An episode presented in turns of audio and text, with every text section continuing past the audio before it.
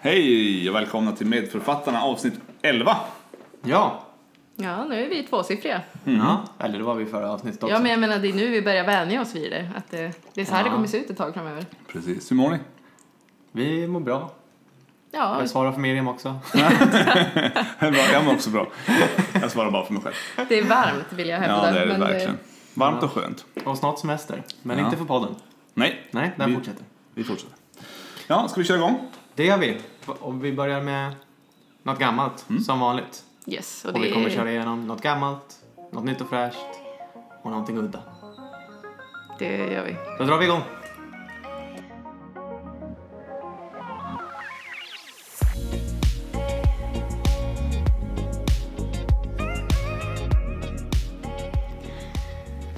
Ja, om jag frågar er så här, finns det ärftlig cancer?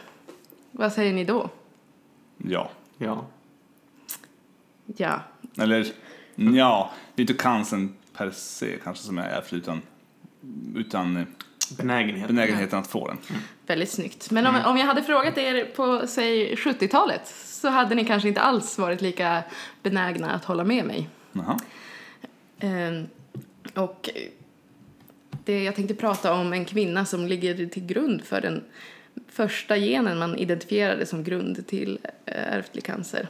Mhm. Eller en ärftlig komponent i cancer. För eh, om man börjar runt 1900-talet så hade man ändå börjat komma fram till att det fanns DNA och att det kunde ha på någon sorts eh, grund i varför man fick cancer. Men den eh, triggande orsaken var liksom den gällande teorin på 60-talet, 70-talet eh, var väl eh, virus egentligen. Att man Mhm. eh, fick ett virus, för man hade upptäckt några av de här, eh, EBV och eh, HPV, Mm. som eh, kan leda till cancer. Men då var det, Man hade redan etablerat rökning va? ja då- precis, och lite karcinogener Ja. fanns det också, strålning sådär. Men Ja, just det.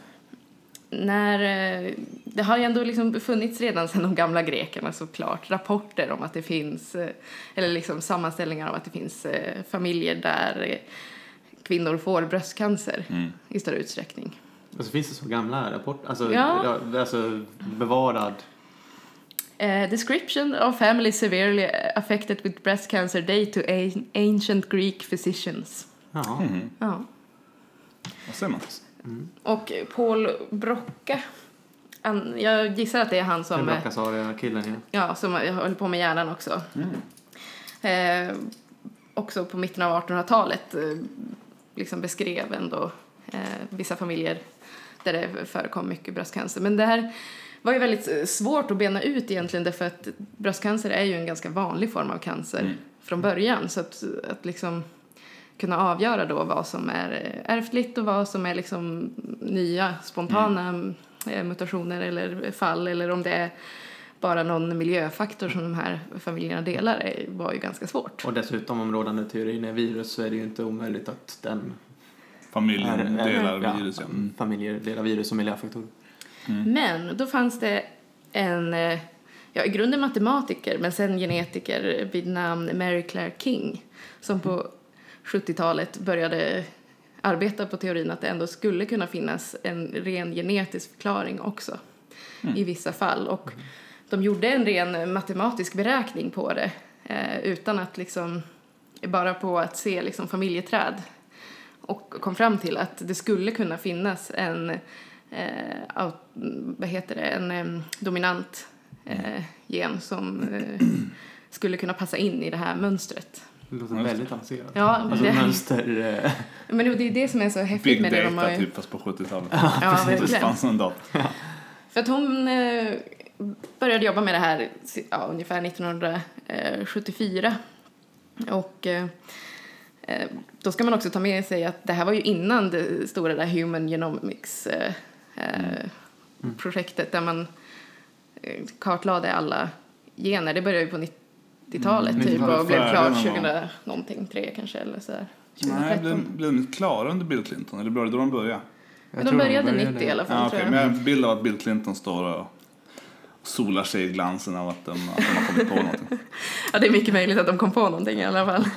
Någonting kom. Tror du inte han var personligen väldigt inblandad? Ja, ja, han, han genom. sekroniserade. Han var väldigt inblandad i vissa saker, kanske inte just i det. Men det de, började, de började ju att eh, rikta in sig på då, eh, det gjorde de väldigt smart, att de började att särskilja det här sorten där man får en ganska invasiv eh, duktal typ av cancer och att man får den eh, tidigt. Alltså att där insjuknande sker före 45 års ålder. Då fick de ju bort ganska många av de här Mm. senare fallen som kanske inte är ärftliga. Mm. Och sen började de helt enkelt leta. Och de hade ju ingen aning om vilken sorts gen de kunde leta efter eller liksom någon sorts... De hade inte ens generna. Nej, Som- precis. som alltså, Nej men de, det var inte som att de hade hittat en gen och baserat på vilken funktion den här genen har därför så kan vi tänka att det har med det här att göra Nej, utan nej. de bara ren liksom mönsterigenkänning och liksom det hitta låter mark... helt osannolikt. Man, Ja. vet, inte- man vet inte vad man letar efter och man vet inte hur mycket man letar bland. Nej, Men, nej de, men kunde, alltså, de, kunde, de kunde ändå s- eh, få fram generna och titta på dem. Så de kunde Ja, se men vilka... på något sätt med någon, någon sån här eh, svamp... eh, Ja, men man använde svampar och bakterier för att få fram liknande gener och sådär. Okej. Men man, de kunde ju ändå titta på hur det såg ut och sen försöker de hitta liksom strängar egentligen Mm. som är likadana mellan de som har ärvt cancern Mm. och de som inte har gjort det. Så det är ju ett enormt arbete. För menar, hur många gener, det här är ju t- T1-kunskap, men det är miljard, tre miljarder gener. Nej. Nej, nej, nej, det är få gener. Alltså, så tre miljarder baspar kanske det. Ja, Ja. jag tror det, Men det är på den här tiden tänkte de ju att det var runt 100 000 eh, minns jag, men jag vet inte hur många det faktiskt är. Nej. Ja, men det är något sånt och det är färre än eh, vissa så här Någon insatt, någon insatt eh, lyssnare får gärna eh, upplysa oss. Hur många Ja, men det är ju det här också, att jag har försökt eh, sätta mig in i någonting jag egentligen inte kan. Men, 19 till 20 000. så det var ju färre än man Ja, egentligen 100 000, trodde. 100 Ja. 000 var första uppskattningen. Sen har man bara kortat Mm. ner Men det. vad är tre miljarder då? Det är det basparande. Eller har jag bara hittat på det? Skitsamma, nu kör vi. det är en siffra. 40 000 miljarder. Det är jättemånga gener. Ja. Men eh, Mary Claire King som hon hette, hon jobbade på och efter 17 år av arbete så kunde de säga att de hade hittat var den här eh, genen satt någonstans. På kromosom 17, eh, på den långa armen och så var det, ja, tror det är region 2, band 1, men den kallas 17Q21 då. Mhm. Och då var, de visste ju fortfarande inte vad som satt där, men de visste att här sitter det någonting som o- gör att det finns en ärftlig form av eh, bröstcancer helt enkelt. Det, låter, det här låter ju helt sjukt att man ens kom fram till det? det här på något sätt. Det är, det är som att man letar efter en nål i en höstack på en bondgård någonstans i Skåne. Ja. Ja. Men vad nu heter den? det Vad ligger kallar vi den nu då? Och Mary Claire King fick alltså eh, äran att eh, döpa den själv till BRCA1. Det var den jag Ja, misstänkte. Jaha. precis. Så det var Så 17Q21 21. heter egentligen, Ja. eller heter nu BRCA1. Väldigt ödmjukt namnval.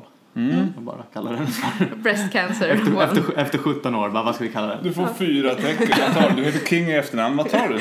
Jag tar BRC. PRCA. Ja, fint gjort av henne. Verkligen. Nej men och det här har ju på något sätt revolutionerat hur vi se- ser på cancer överhuvudtaget. Att det, man har kommit fram till att det finns fler eh, ärftliga eh, cancerformer möjligen, alltså, fast på mer invecklade sätt eller den här eh, FAP och sånt där. Men det är också, Alltså. de utvecklade ju må- jättemånga liksom arbetssätt för att hantera sån här information överhuvudtaget, liksom, hur man skulle gå tillväga. För att nu är det ju det här det man gör för i princip allt, men nu har man ju en stor databas som man bara kör in och så här, jaha, vad har de här för gener och vad har de gemensamt? och så där. Men Ja, jag menar, första, första sekvenseringen av, av mänskliga genomet tog ju flera år och kostade antagligen miljard, tre miljarder kanske. Eh, och eh, nu tror jag man gör det för, på några, någon, några timmar, några, någon dag i alla fall, för kanske tusen dollar eller något liknande. Man har ju Eh, fått lite mer datakraft Ja. sen 1900. och, och framförallt har man ju 76 gjort det så man vet ju vad man, hur, man, hur man ska göra. De fick ju Ja, de är jättepopulära nu, sådana här genome-wide association studies där man bara slänger in en massa genom och hittar och ser vad som fastnar. Mm. Eh, Ja. det, ja, det har ändrat lite grann på... Verkligen. Men den här... 50 år. Eh, sen har man ju senare liksom kommit fram till att den här BRCA, eh, ett, att det, är, det har med DNA-reparation att göra och lagar sån här double strand eh, breaks. Så, så att det är ju egentligen en eh, vad heter det, en tumörsuppressorgen då. Men om den är muterad så har man då en högre risk för cancerutveckling. I bröst och eh, ägg, äggstockar också. Mm. Hade man noterat det redan då? Eller att eh, det fanns en hopning av både bröst och äggstockscancer? Ja, man hade ju noterat men man hade ju kanske ingen riktig förklaring för det då. Eller man hade ju märkt att det förekom också men jag tror man hopningen på bröstcancer. Ja, man var tvungen, Noterat, att, liksom. tvungen att välja något. Och det här är ändå ganska, ganska viktigt i alltså klinisk handläggning för har du den en mutation i eh, BRCA1 eller två som man också har hittat nu, en till igen, så har du i princip 80% i risk att utveckla eh, bröstcancer. Alltså livstidsrisk, Ja, livstidsrisk. Eh, jämfört med kanske 7-10 procent eh, utan. Så då har man ju börjat ha ganska mycket egna eh, riktlinjer för dem. Eh, man kan göra profylaktisk mastektomi men också finns det ju speciella screeningprogram där man följer människor från att de är 25 med, ja, men med MR-skanningar och sådär. Mm. För att Angelina Jolie eh, är en, av, en känd person som har, har BRCA1. Hon har väl gjort eh, opererat bort sina bröst för att mm, minska risken åtminstone att få en. Ja, hon har ju hjälpt Bröstcancer. liksom och, för att eh, liksom lyfta fram medvetenheten, Mm, om, medvetenheten om det här. Spännande. Vad Ja, hette hon igen då? I förnamn? Mary Claire King. Mary Claire, Claire King. Claire King. Mm. Dr King. Dr. King, ja. och hon har ju liksom fått eh, allsköns eh, pris, medicinska priser och hon har ju varit nominerad flera gånger för Nobelpriset men inte ännu fått det. Lever hon? Hon lever, hon är född 46, vad är man då? 72. 70? Ja, nej, jo, Ja. just det. Så då har hon ju Hon har ju tid kvar. potential eh, att ha tid kvar. Men jag, det jag minns att det var här om året som hon var verkligen nominerad eh, som en av de få som var kvar. Eh, alltså liksom he- heta Mm. kandidater. Och så fick autofagin pris istället. Mm. Och det kan man ju tycka vad man vill om. Men eh, jag tänkte faktiskt fråga er nu som en liten eh, extra grej här. Mhm. Om att ni ska få bedöma de senaste tidens eh, Nobelpris.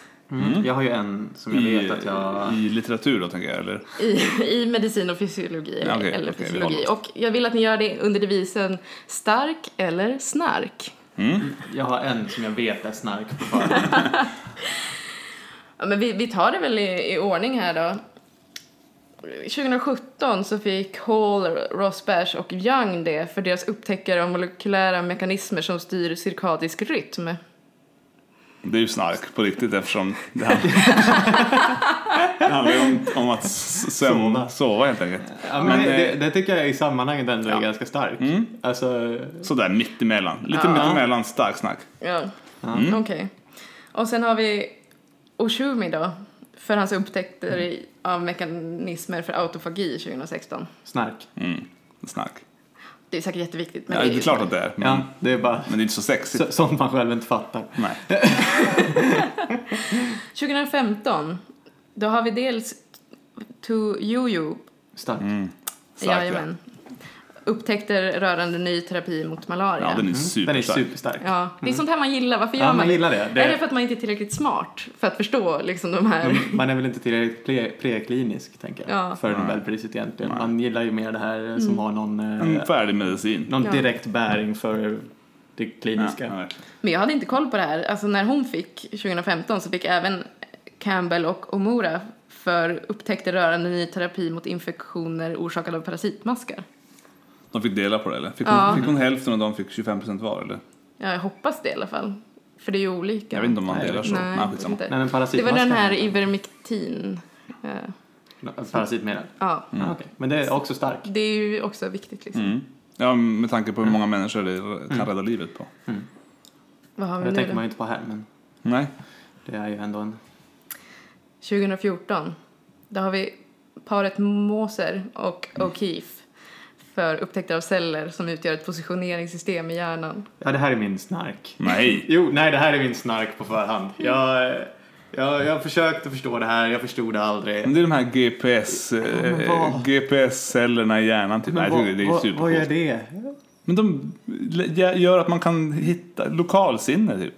Celler som gör att du kan hitta, hitta runt i Malmö.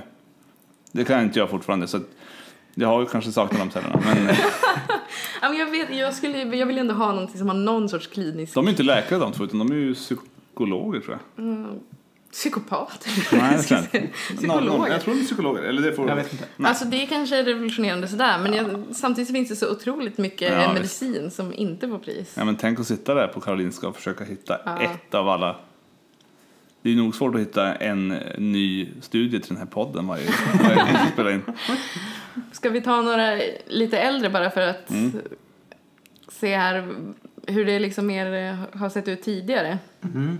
Det är liksom Jag tror det är starkare förr. är min känsla. 1982 är av ett guldkorn. Sune Bergström, tyvärr inte släkt med mig, och Bengt Samuelsson tillsammans med John R. Wayne för upptäckter rörande prostaglandiner och liknande biologiska ämnen. Mm, Stark. Den är väl stark? eller? absolut. Men är det inte bara egentligen att det, det äldre känns starkare för att Det är så välkänt nu. Ja. ja. nu har det liksom, nu känns det superviktigt. Ja. Det kan vara så att det här GPS-systemet är superviktigt om 40 år. Ja. Att, eh, ja. Men de var så ospecifika formuleringarna eh, tidigare också. Så här. Det är liksom så här 1964, Bloch och Leinen för upptäckter kring reglering av kolesterol och fettsyrametabolism. Man bara, jaha, Mm. det har ni upptäckt. Alltså så här, motiveringarna var... ja, men det var väl För gott- gissningsvis starkt med sällskap. tanke på att de har fått folk att börja äta statiner. Ja. För gott sällskap på förra årets Nobelmiddag. Ja, men det var lite det jag hade. Men jag tänker Mm. att ni, om man vill hemma kan man börja skicka in några starkiga och snarkiga. Mm. eh, Det känns som att vi liksom avslöjade, favoriter. Avslöjade våra händer lite där med att säga snark på allt som var lite prekliniskt. Ja, Nästa vi måste kompensera för det Ja. med en preklinisk vecka. absolut. Det, Preklin eh, kör vi. Preklinpodden. Avsnitt, avsnitt 13. Ja, absolut. ska vi gå vidare till eh, någonting nytt? Ja. Ja.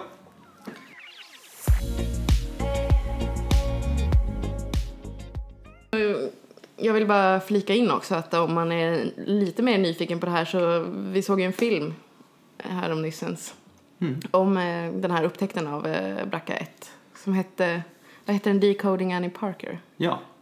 eller någonting som handlar om den här upptäckten. Den är lite mer en, eh, ja, ett patientfokus också, Mm. vilket var lite Den, är, den, spännande. den har lite romcom-känsla Ja, också. Den är, ja. men de får ändå Lättsam. in lite av det här. Jag fattade inte så mycket av vetenskapen när jag såg den, men eh, Ja. det var ändå, ja. Lättsamt och trevligt och ändå med anknytning. Mm. Mm. Lättsamt om bröstcancer, vad härligt. Ja, Men det lyckades ändå vara det. Den var ju skämtsam. Och... ja, men det värjde ju absolut inte för cancerdelen. Men, Nej, precis. Nej. Nej. Mm. Okej, då kör vi något nytt. Ja. Varsågod Joe. Ja, vidare till någonting nytt då. Eh, åldersbedömningar Ja, tänkte jag prata om. med hjälp av eh, emaljen i tand- tänderna. Nej, Nej. det tog vi i förra avsnittet. Just så då lovade jag att jag skulle prata om medicinska åldersbedömningar. Just det. Och det tänkte jag göra nu. Och första gången jag hörde talas om det var faktiskt inte nu, 2016, när Rättsmedicinalverket Mm.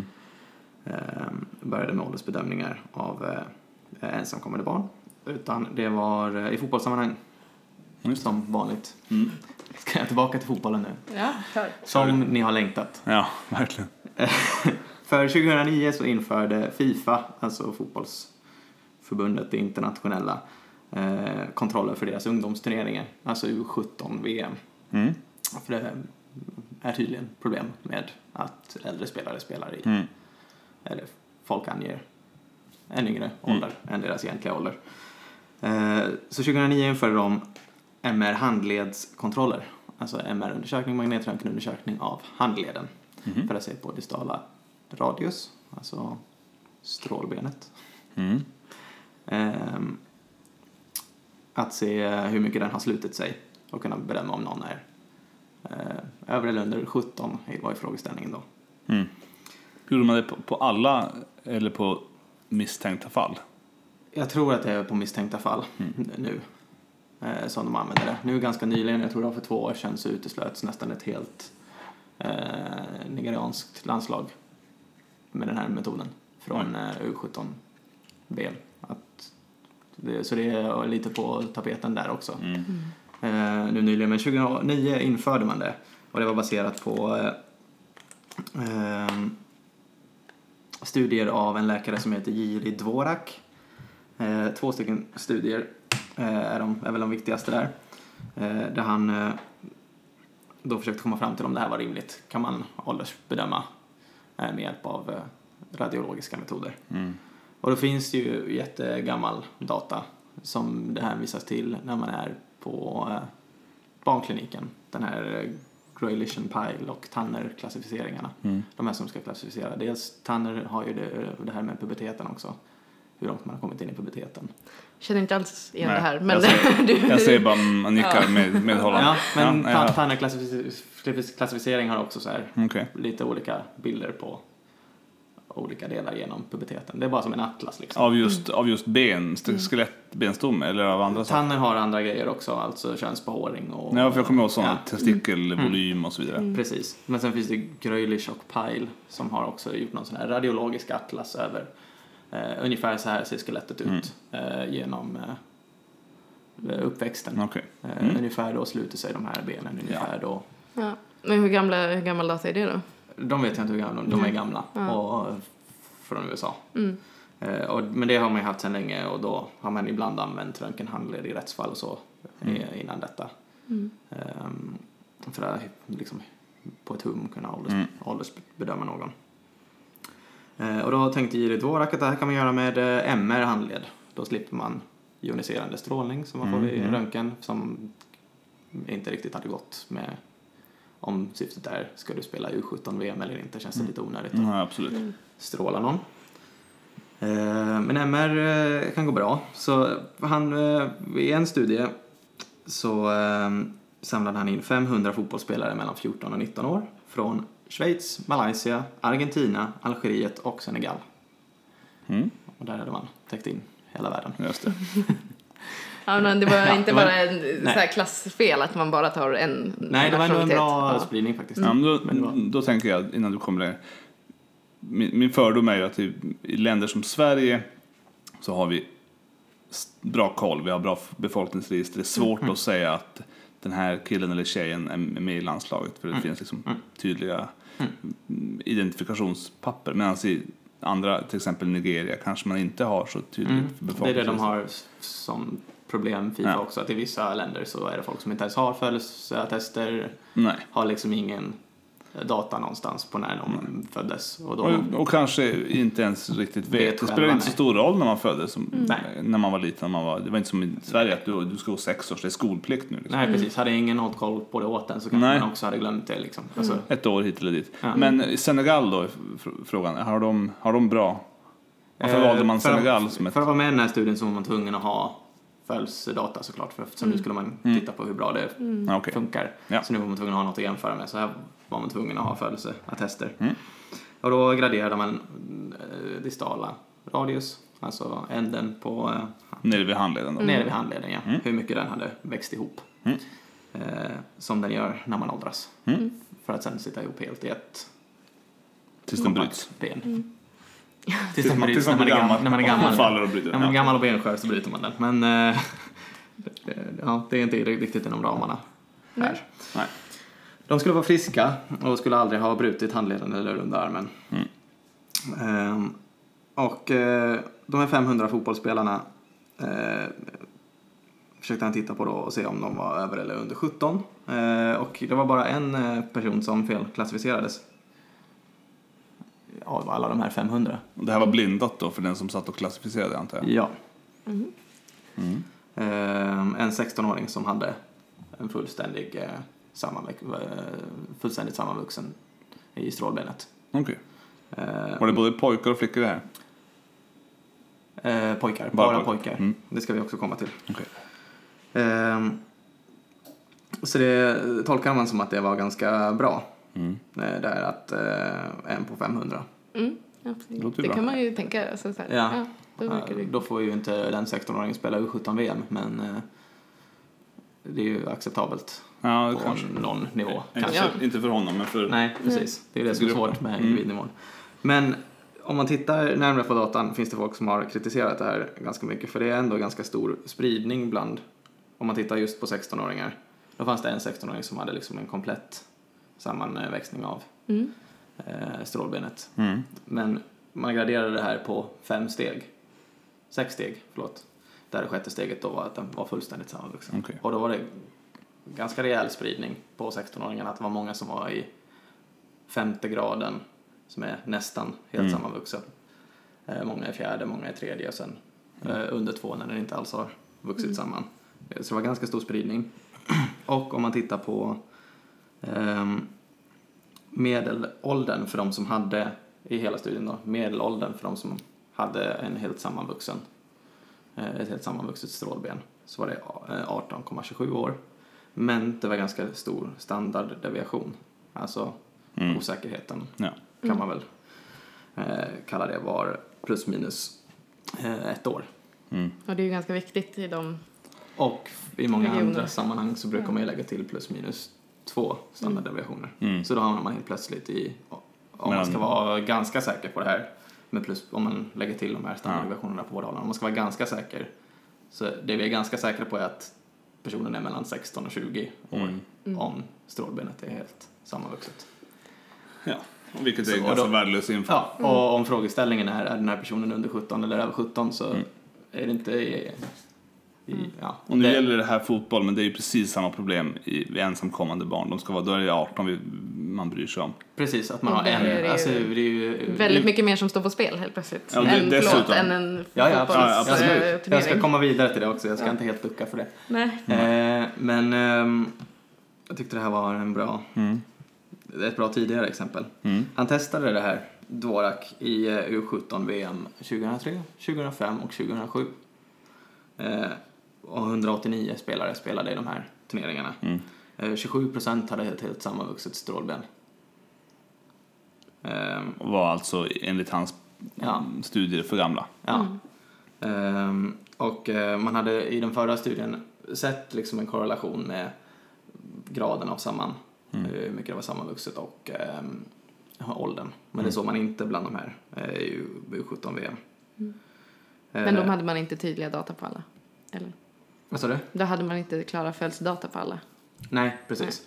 Eh, och de drar väl lite eh, slutsatsen att eh, ja, men det kanske är en massa spelare som eh, eh, ljuger om sin ålder. Mm. Men eh, de drog ändå upp själva lite grann att ja, men de spelarna som spelar U17-VM kanske är ett annat patient eller ett annat material. Det Mm. kanske, de som är talangfulla i 17-årsåldern kanske är de som har vuxit färdigt. Ja. Alltså, Och har en Absolut. större fysisk Mm. förmåga. Det är Ja. inte så Och konstigt. det är lite det som är problemet med både det här och med eh, eh, åldersbedömningarna vad gäller ensamkommande barn. Flyktingbarn. Att Mm. det är liksom patientmaterialet är, eller materialet är så viktigt. Mm. Vilka man egentligen tittar på. Och Precis, vilka- och vilka, vilka klarar av en resa mm, över halva världen för att ta sig till ett annat land? Och, Ja, precis. Och friska, mm. alla i de här studierna och de andra studierna som jag snart ska komma till, friska personer för det mesta. Mm. Eh, utan några andra sjukdomar. Här fick man inte ens ha brutit eh, Nej. eh, handleden. Alltså, Nej. ja. Vi går vidare. Till... Eh, Oj, vilken novell du har skrivit. Ja, jag har skrivit mycket här.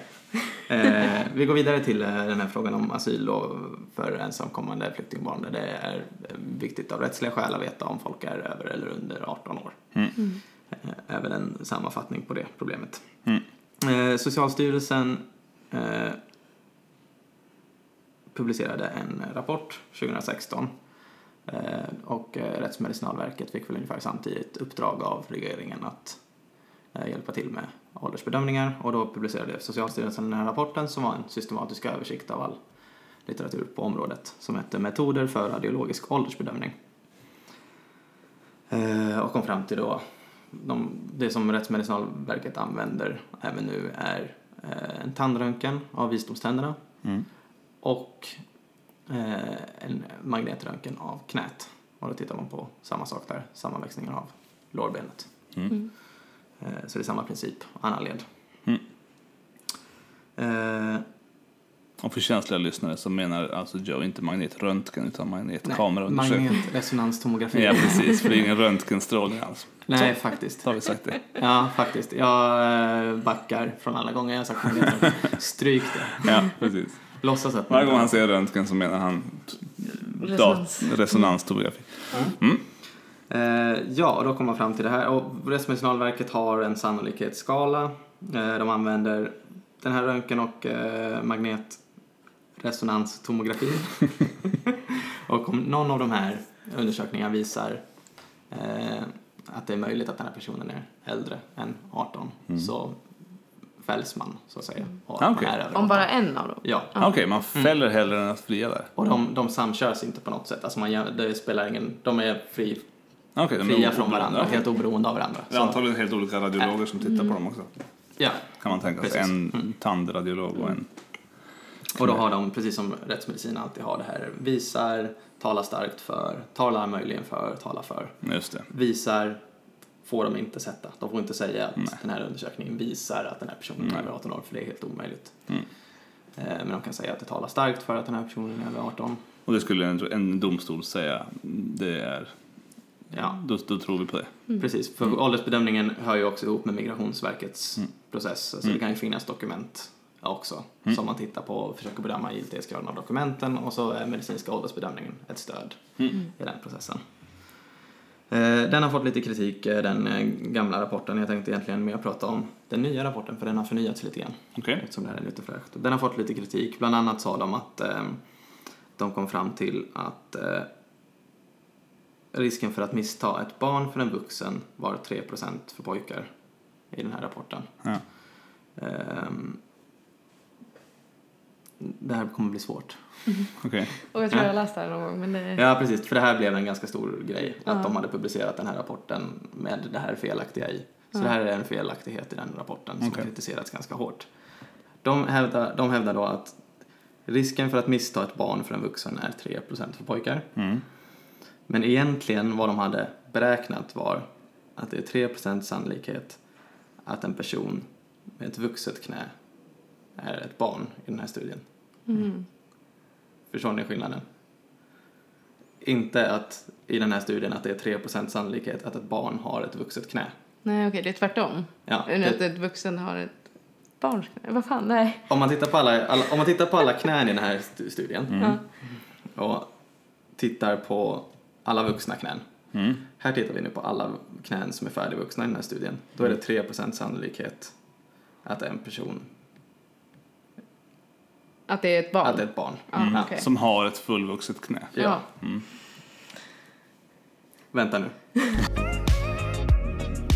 Okej, Tar det direkt från the vi horse's tar mouth. direkt från källan här, Mm. som alltså är eh, åldersbedömning, en eh, statistisk utmaning av Johan Bring och Lars Rönnegård, Mm. eh, professorer i statistik. Eh, den sannolikhet som Socialstyrelsen har, Socialstyrelsen har beräknat är sannolikheten att en person som enligt knäanalysen klassificerats som vuxen faktiskt är ett barn. Mm. Det är det de egentligen har beräknat. Ja. Alltså, man gör alla knäanalyserna om man har ett vuxet knä.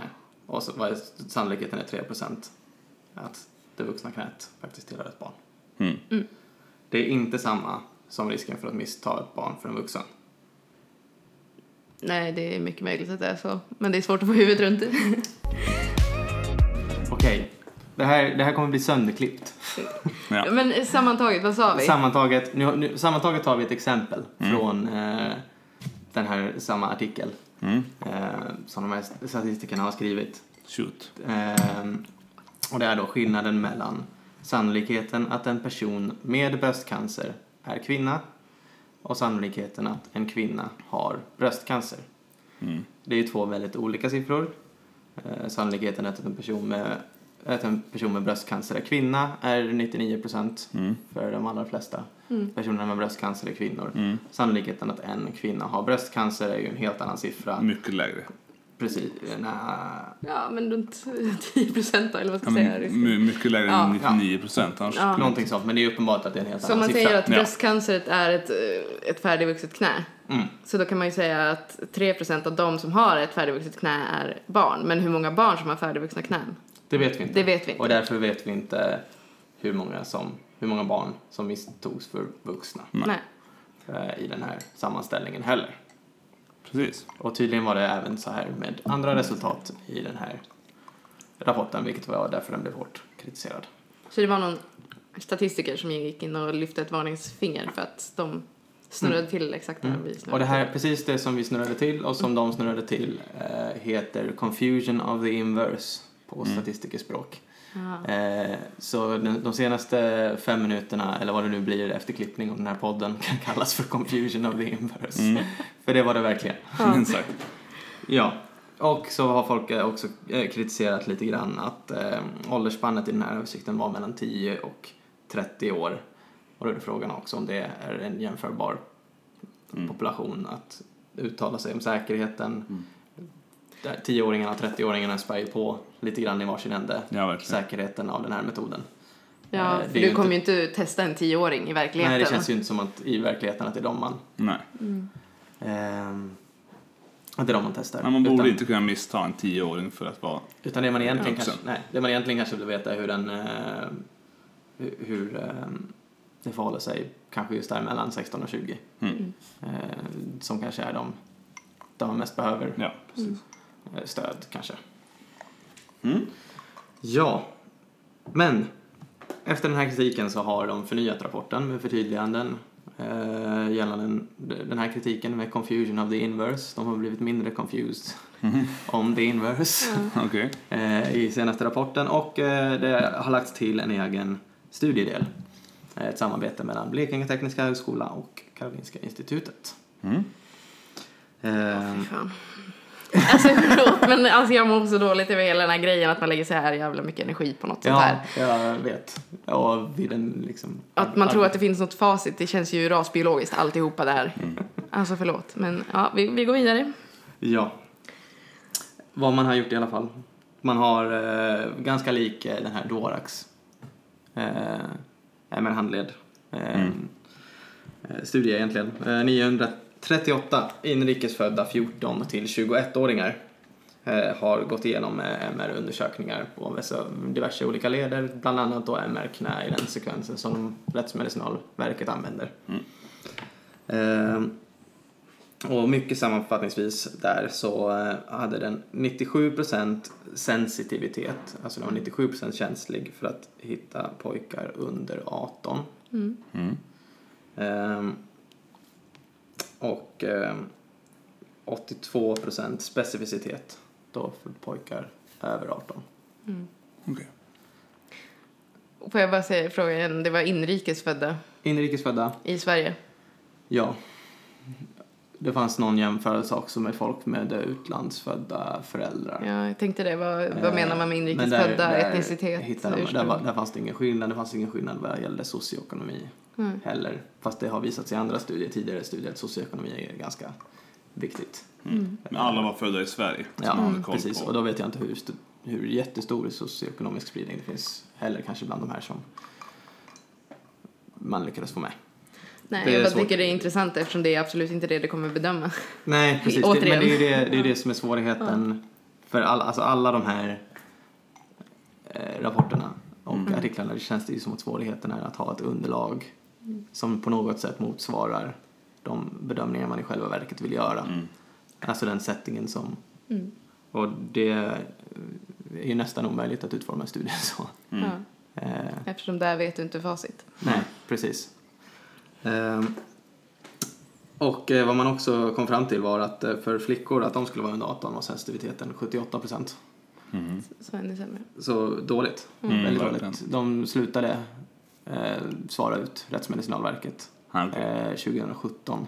Jag tror, det var, jag tror faktiskt det var en annan studie som också visade hur dåligt hur otillförlitligt det här var för just flickor och unga kvinnor. Okej. Eh, Så då slutade man svara ut om kvinnor. Eh, Mm. Så fram- de går, kan man inte medicinskt åldersbedöma längre? de började det 9 mars i år.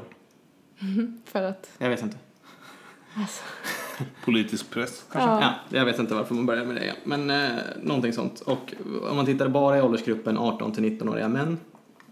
Eh, om man tittar bara på 18-åriga män, alltså eh, om de skulle vara över eller under 18. Mm. Eh, så var eh, sannolikheten för att det skulle bli rätt 52 procent. Ja. Tittar man på 17-åriga kvinnor, eh, sannolikheten för att det skulle bli rätt 50 procent. Det är bara flip a coin då. Det, Ja. finns, ju, det finns ju ingen... Då, då är det ju inte, då i den åldersgruppen spelar det ju ingen roll Mm. enligt den här rapporten som jag tolkar den. Då är det ju bara ja, Ja, det är sl- singla slant. Singla slant. Precis. Så tolkar jag det. Eh, Men eh, man eh, diskuterar där också att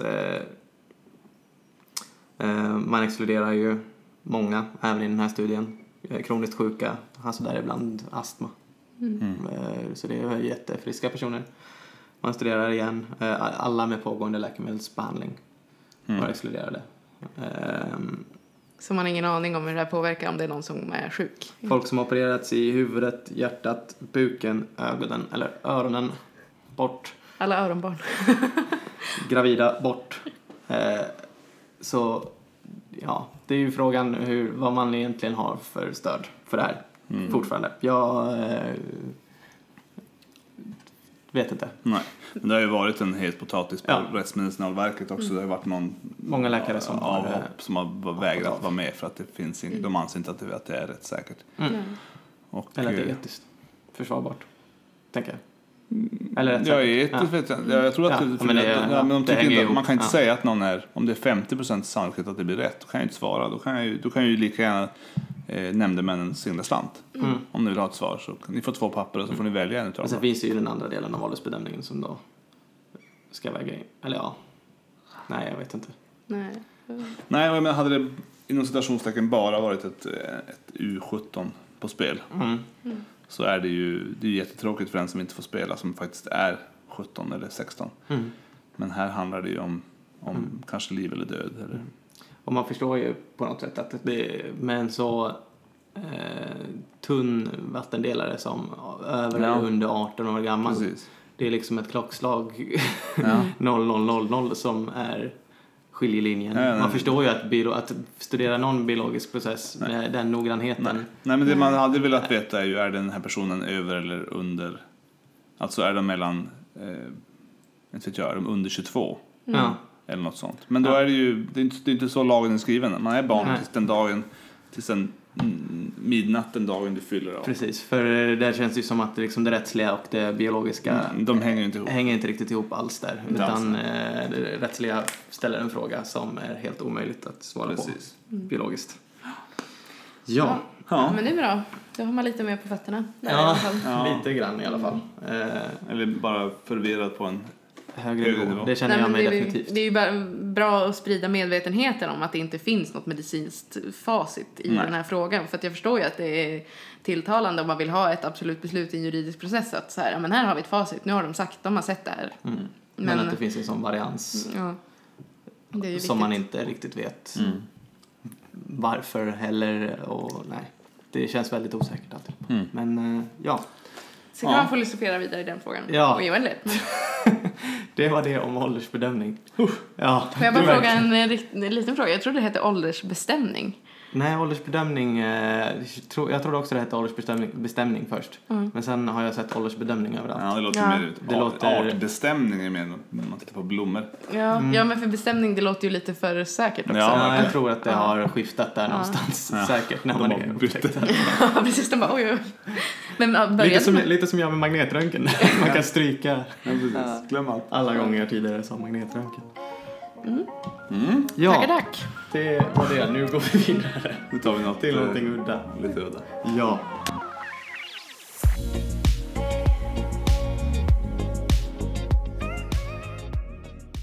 Vi kör. Jajamän, då tar vi något lite mer lättsamt hoppas jag. Eh, eh, vi hade ju en eh, stroke-studie från östra Finland. Bastun. Bastustudien, jag Ja. kommer inte ihåg vilket avsnitt det var men Ja, det var inte så länge sedan. nej. Eh, men vi, vi fortsätter den på den tvagnings, eh, tvagningsspåret med lite nya rön. Denna gång ifrån Japan. Det är, här är en studie som eh, heter Physical and Mental Effects of Bathing, a Randomized Intervention Study. Den är sk- skrivet, skrivet av ett forskarteam i Onsen Medical Research Center i Tokyo.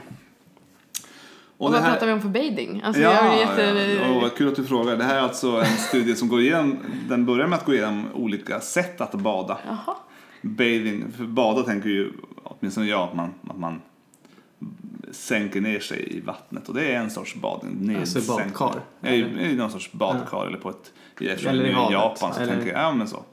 Eftersom vi i Japan tänker man ju ett sånt här yasuragi typ. Ja, just det. Men eh, de kommer fram till i alla fall att duscha är det vanligaste sättet att bada. Så man kan väl säga egentligen att Du räknar in den baden? ja precis. Sh- Shower, duscha är vanligast. Men i Japan så är det då nedsänkningsbadning eller immersion. Eh, immersion bathing kanske är i varmt vatten. Ja, vi, får, vi får kalla det för, för nedsänkningsbadning för att vara tydliga. Det är en relativt vanlig eh, tvättteknik, badteknik. Och den här forskargruppen har i tidigare studier kunnat visa, de lägger verkligen energi på det här, de har kunnat visa att personer som badar i varmt vatten varje dag, alltså då pratar vi nedsänkningsbadar, de får en bättre upplevd hälsa, sömn, minskad stress och en ökad subjektiv känsla av glädje. Oj. Det här har de bevisat Ja, förut. men det är folk som har ett badkar hemma. Ja, de är ju rika. men jag, jag tänker att de går ju på sånt, eh, Ja, ja, okej. vad heter det? Eh, Såna on, badklubbar. onsen, heter det så? Vet inte. Men Ja, jag tänker ni att... vet sånt, eh, ni kanske aldrig varit i Japan men Jag har inte varit i Nej, jag har men- inte varit i Japan. ni har kanske hört talas om Yasuragi Hasseludden. Ja. Du kan skicka rä- där. räkning till dem då sen. Men det, det, det finns ju så. Men som ett spa helt enkelt. Det finns mycket sånt i Japan. Okej. Eh, Men då är man också rik om man har råd att gå på sånt. nej, det tror jag inte. Nej. Jag tror att det är lite mer... Jag tror inte att det är så farligt dyrt. Nej, okej, det är inte som i Sverige i alla fall. Nej, det tror jag inte. Jag kommer inte ihåg vad vi Hint, betalade. hint kan Yasuragi sponsra Ja, precis. med Nu har vi nämnt Yasuragi flera gånger här så nu tycker jag att eh, vi, vi kommer gärna och Särskilt om det visar sig med vi promotar medicinska Precis. effekter här. Usch. Ja, i alla fall. De har alltså visat att de som gör det varje dag, de mår bättre på många sätt.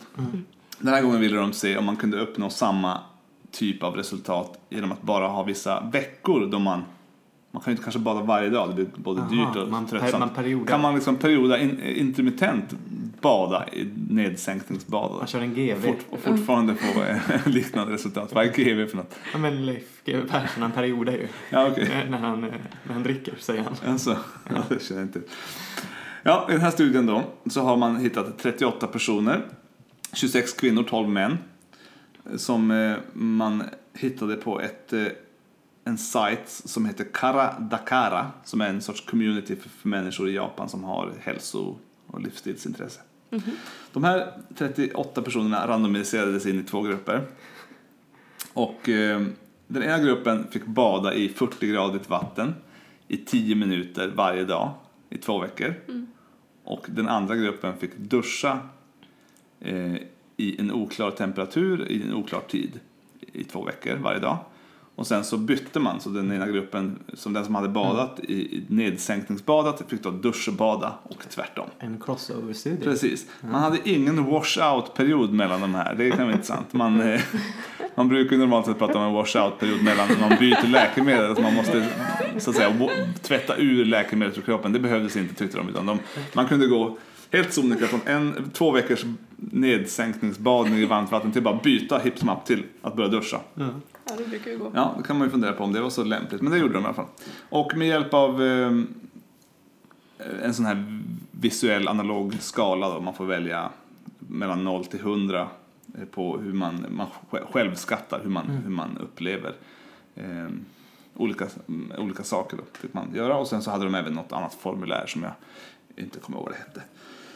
Men man fick beskriva hur man mådde varje dag och det var sa- saker som till exempel eh, smile in the mirror. Hur mycket, hur mycket, hur mycket ler du i spegeln? Va? Ja, ja visst, det, det är viktigt. Det är klart, le, står du och ler åt dig själv i spegeln då mår du ju säkert jättebra. Och eh, av, eh, av de här 38 personerna så var det fem som, stycken som inte kunde avsluta den här fyra veckors per, långa badstudien på grund av personliga orsaker, ej häl- hälsorelaterade. Eh, har ni någon idé om vad det kan bero på? vad, vad skulle kunna få er att vara tvunget att, ni kan inte varken duscha eller bada längre, det går inte. Men det beror på om man måste ta sig iväg och bada någonstans eller man kan bada hemma. Jag vet inte. Nej. Antagligen du- duscha gissar jag hemma men Ja. bada kanske inte hemma. Ja, det kan vara det att de hade slutpengar på busskortet. Det, det förtäljer inte studien. Men i alla fall, de, som, de här 33 som lyckades då hålla ut i fyra veckor, de, eh, där visar studien tydligt att de- får signifikant bättre värden. Eh, och de som badar i 40 gradigt vatten 10 minuter per dag. De får signifikant bättre eh, värden inom till exempel egenskattad hälsa, leenden i spegeln, minskad smärta, minskad stress, ökad social förmåga, eh, ökad mental hälsa och så vidare. Det är liksom, de bara radar upp grejerna här. Det, blir, det är bara bättre att, eh, att bada jämfört med att duscha. Eh, man blir mer vital, man får mindre eh, kroppssmärta. Men man svarade på det här varje dag? Ja. Och då slog de ihop liksom veckorna? Eller? Eh, Till ett eh, ja. hela veckans eh, plus eller minus? Ja, eller kanske till och med hela, period, hela Ja, badperioden. ja, precis. Hela, Hela- ba, hela nedsänkningsbadperioden versus hela duschperioden. Mm. Och ja, det är bara positivt. Det är liksom halleluja för badning, för nedsänkningsbadning. Alltså det är klart, jag hade känt mig så också om jag hade haft tid att ligga Ja, och skvalpa i tio 10, minuter. 40 grader. Forskarna de talar ju om det här i samma mening som, som rökstopp, träning, die, bra diet och så vidare. Så det tyder ju på att de, de själva verkligen tycker att det här är ju Ja. det är upp, det är up there alltså med sådana saker som, som, som sluta röka, börja träna, ät rätt. Så att, Bada eh, tio minuter per dag. Det känns lite konstigt att lägga till det. vilket? Bada tio minuter. Sluta röka, börja träna, bada tio minuter per dag. Ja, men vadå, för någon vecka, några avsnitt sen så tyckte vi, la vi till att man skulle basta varje dag. Det är ju det. Frågan är, kan man byta ut? Alltså det börjar bli svårt. Det, alltså man, snart har vi fyllt upp en hel dag Ja. bara på den här podden med grejer man ska göra. Måste göra. Men måste- frågan är, man, man kanske kan byta ut bad, eh, alltså 40 graders vattenbada istället för eh, byta ut bastubadandet mot bada i vatten. Men här har vi ju ingenting om eh, strokeförebyggande. Nej, eller, men eh, nej. Det här är bara subjektivt. Men, men de hävdar ju då att den här självupplevda hälsan, Mm. eh, alltså ökad självupplevd hälsa, eh, korrelerar väl med den faktiska hälsan. Mm. Och eh, de visar ju på att man får en, minskad perifer resistans för att du öppnar upp dina kapillärer och så vidare, vilket borde ge en minskat blodtryck. Och, eller borde det ge ett minskat blodtryck, åtminstone när du ligger i vattnet. Mm. Och då borde det ge, kunna Det är ga- ganska mycket placebo i det här va? minskas. Absolut. Ja. Det är supermycket. Men det är, det är väl nästan Det är Bara- en, en forskargrupp som lägger, det är rätt många personer som har Ja. skrivit och de, de lägger tid på det här. Ja.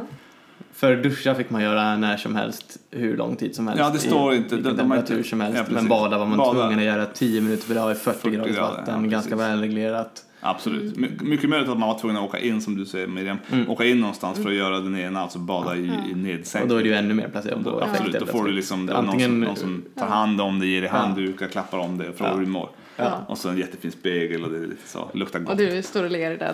Ja. ja, men alltså, jag skulle inte säga nej. Jag skulle säkert må mycket bättre Ja, av det. Alltså, det är så här. Eh, nej men så, eh, ja, ni får, vi får väl helt enkelt, vi måste ju vänta på studien ba- bastubad versus eh, eh, nedsänkningsbadning. Nedsänkningsbad. Nedsänkningsbadning. Har ni något bättre? Det var det enda jag kunde komma på. Nej, jag vet inte. Badning, ja, bada är ju för mig nedsänkning. Ja. Och duscha är ju det. Jag tänker att det måste vara skillnad att bada i 40 graders eh, badkar jämfört med att eh, hoppa i här borta vid Västra hamnen. Ja, ja, alltså, det, Ja, men det är nästan livsfarligt tror jag. Drar det ju, får man ett ökat blodtryck och stroke. fast det hävdar ju Mörkret och Kylans vänner som är vakbadarna i Norrland. Okej. Jag tror de är hemma i Skellefteå Mörkret och kylans vänner. Ja, de hävdar ju att... eh, Satanistförening. Det är ju en fantasyroman. Nej men de tycker att eh, alltså, isvaksbadning, Mm. att det ska också ha massa, massa hälsoeffekter. Säkert. Att de hävdar det alltså, det tror jag Ja. säkert. ja, vi får väl, jag får väl fortsätta på det här nästa, nästa gång jag har en udda. Alltså, finns det någon person som försöker följa alla sådana här uppslag? Ja, vi. Eh, Jag. Nej men jag menar under, under Ja, en, det dag, menar så. under en En dag. Om man bara dag till dag följer Expressens Ja. Hälsokolumn. Det här har ju inte ens, den förra bastubadandet i östra Finland, det nådde ju faktiskt Ja. åtminstone Sveriges Radio. Mm. Den här har inte mig veterligen nått svensk media ännu. Ja, förutom då i den här podden Nej, som ändå räknas till svensk media. Snart. Så det är Ja, vi som är skyldiga den här gången. precis. Så eh, ja, ni får väl prova där hemma och se om ni ler mer när ni badar i 40 grader. Ja, eller gentemot när ni bara duschar i tråkigt. Jag tycker att man blir lite deppig. Alltså det kan vara skönt att bada men sen om du måste hålla på och tvätta håret Mm. och alltså faktiskt tvätta dig, Mm. då blir det ju väldigt osmidigt helt plötsligt. Och då kanske den här lyckan försvinner. Alltså, Kanske. Ja, det är Jag vet ju, inte. I vilket fall in, tror jag inte är jättebra. Om alla ska börja bada badkar varje dag så tror jag det, det, ja, det går ju väldigt mycket vatt, varmt vatten. Ja. Det går ett par hundra liter man fyller sitt badkar. Men om man Men går om till... Om man, så, så, om man mår så mycket bättre så... Ja, ja men det är rent eh, hel, Kanske man slipper klimatångest måste Ja, visst, det, det tror jag. Ja, det, vi kan ju titta på, om ni vill veta just ångesten, hur den minskar. eh, ja, nej, jag ska säga depression, eh, anxiety hade ett, eh, minskar bara med, ja den är, den är signifikant minskat med, eh, ja den minskar signifikant med, för de som nedsänkningsbadar också. Mm, slipper man klimatångesten. Precis, det är inte allt, man, det är inte eh, allt Bidrar till det. Precis. Så gå på ett ut. Ja. Men förhoppningsvis slipper man, eh, slipper man stroke då kanske också. Ja, det var, det var allt för den här, den här veckan. Ja. Hoppas att ni förstod mer än vi gjorde om alla dessa fynd. Och eh, En rö rörig... Eh, Röra. ja, det var det. En här, Rörig podd. sa- salig röra. Men mejla oss gärna. Och eh, fram, er. framförallt hör av er på Instagram och Twitter på @medförfattarna. Det älskar vi. jättegärna. Då eh, hörs vi igen om två veckor. Ha det gött. Hej då. Hej då!